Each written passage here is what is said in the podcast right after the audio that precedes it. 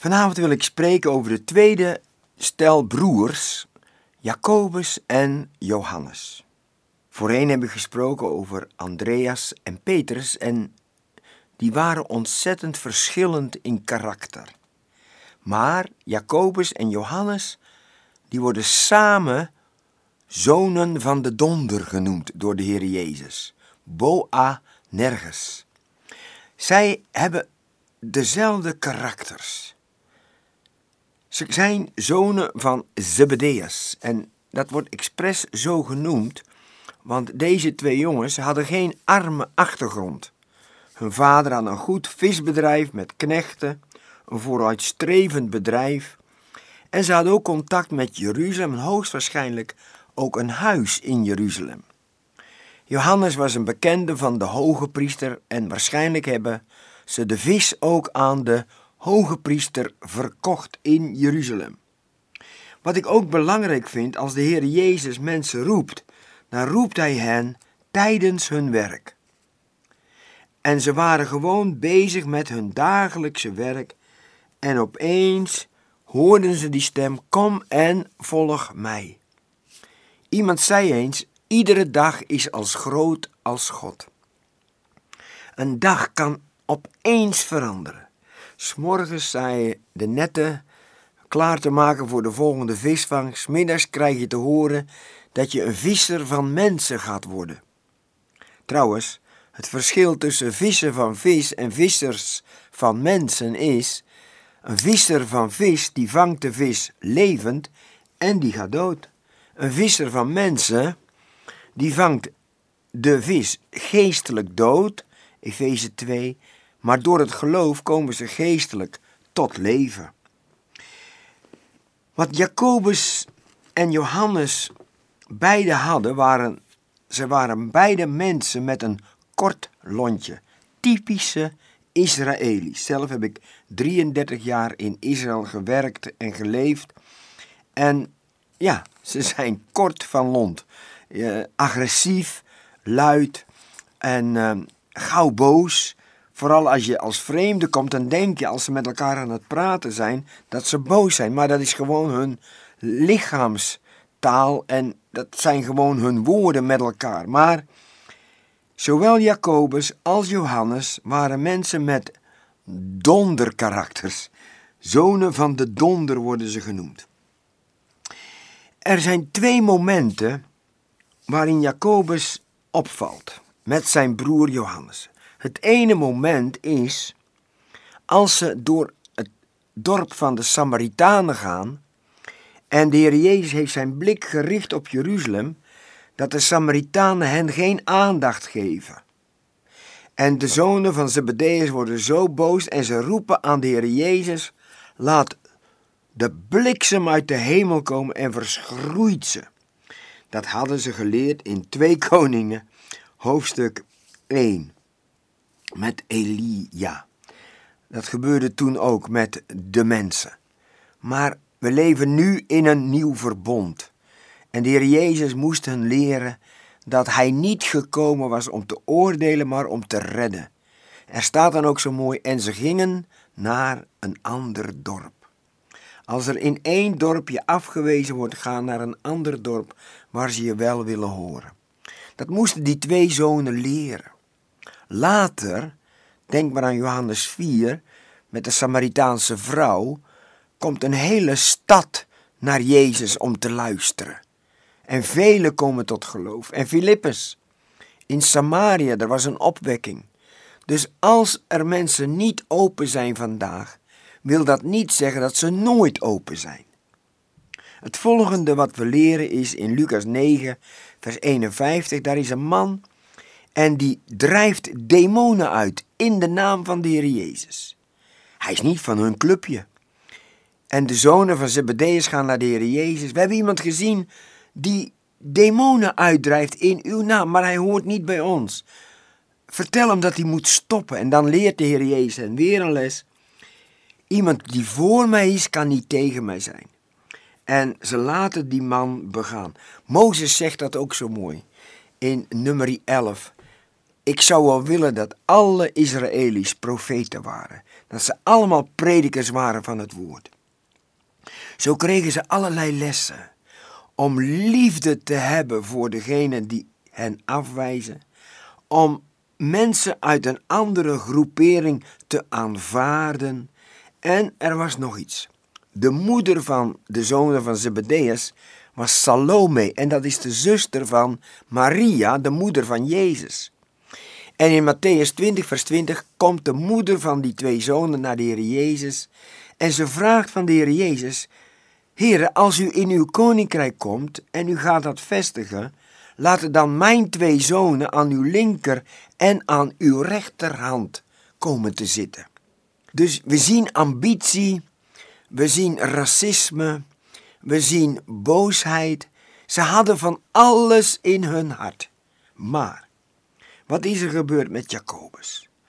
Bij Jacobus is het ook Pinkster geworden. Ook Jacobus is opnieuw geboren.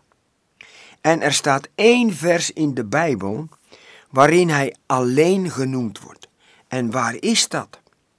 Dat is in Handelingen hoofdstuk 12. In Handelingen hoofdstuk 1 vers 8 zei de Heer Jezus, gij zult mijn getuigen zijn. Getuigen, dat betekent, je zult mijn martelaren zijn.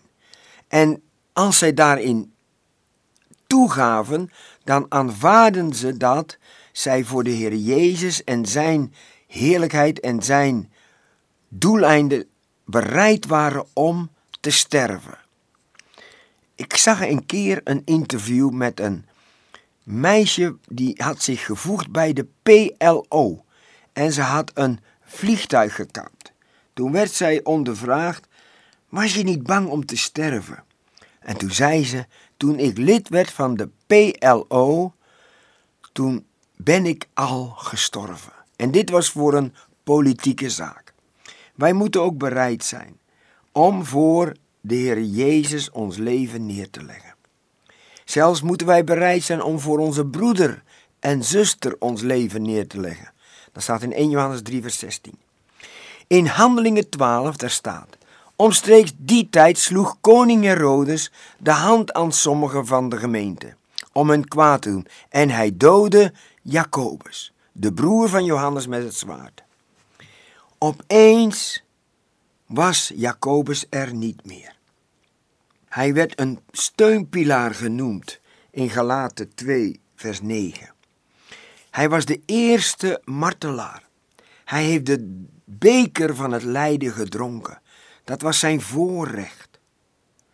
Soms dan haalt de Heer wel eens een bloem thuis uit zijn bloementuin. Maar hij heeft er race tot een goed einde gebracht. De duivel schiet zich altijd in de voet, want wat lezen we in vers 23? Daar wordt Herodes door de wormen opgegeten, omdat hij God niet de eer geeft. En het vers daarna vind ik zo heerlijk. En het woord van God verbreidde zich en nam toe. Het bloed van de martelaren is het zaad van de kerk. De jongere broer van Jacobus was Johannes. Samen worden ze door de Heer Jezus zonen van de donder genoemd. Boa nergens. Ze hadden hetzelfde karakter, dus de karakterbeschrijving hoef ik bij Johannes dan niet meer te noemen. Johannes was een discipel die ontzettend veel van de Heer Jezus houdt. Hij begint pas te schrijven op zijn negentigste verjaardag.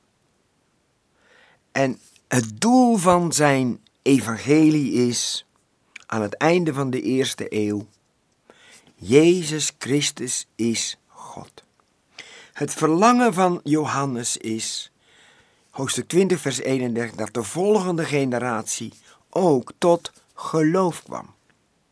Johannes, die op latere leeftijd zijn brieven gaat schrijven, noemt zichzelf nooit bij naam. Hij noemt zich altijd de discipel die Jezus liefhad. Het belangrijkste voor Johannes is, Jezus houdt van mij. In 1 Korinthe 13 staat dat de liefde nooit faalt. Met de liefde win je het altijd. En dat zien we ook als Johannes en Petrus bij het lege graf komen, dan staat er Johannes geloofde. Petrus ging het graf in, maar er staat van Johannes dat hij geloofde. Toen ze op het meer van Galilea waren, toen was het Johannes die als eerste de Heer Jezus aan de oever erkende. Het is de Heere, riep hij uit. De liefde wint het altijd. Ook was Johannes tot het einde toe een gevaar voor de duivel. En op oudere leeftijd, als hij een oudste is in de gemeente van Efeze, wordt hij verbannen naar Patmos. Zie hem zitten op de achterkant van het schip met heimwee naar zijn gemeente te Efeze, waar hij zo'n belangrijk werk deed, naar een eiland Patmos, waar hij naar verbannen werd. Maar daar op dat eiland besloot hij om in de geest te zijn. Hij besloot om in de Here te blijven. Er staat, in aanvaarding ligt vrede. Weet je, je kunt alleen bloeien waar je geplant bent. Hij bloeide in Efeze en in Patmos was hij in de Heer en de Heere kon zich aan hem openbaren. En wat hij daar ontving, daar op dat eiland. Wel, we lezen het in het boek Openbaring. En dat is niet de openbaring van Johannes, zoals in mijn Bijbel erboven staat. Ja, de openbaring van Johannes is in vers 9 dat hij in Patmos is. Nee, het is de openbaring van Jezus Christus. Johannes heeft dat bezoek aan dat eiland overleefd.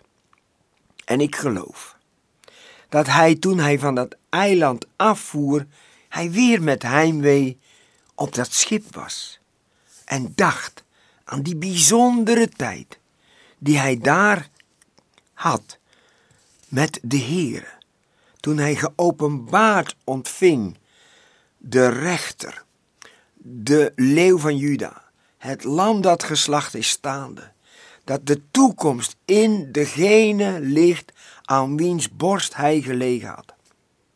O ja, Johannes was altijd dicht bij de Heere, want hij wilde geen één woord missen.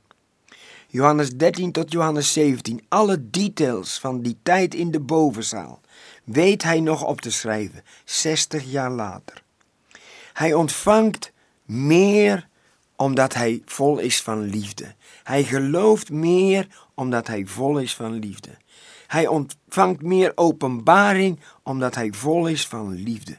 De enige keer dat de donder weer naar boven komt bij Johannes, is als hij te maken heeft met valse leer.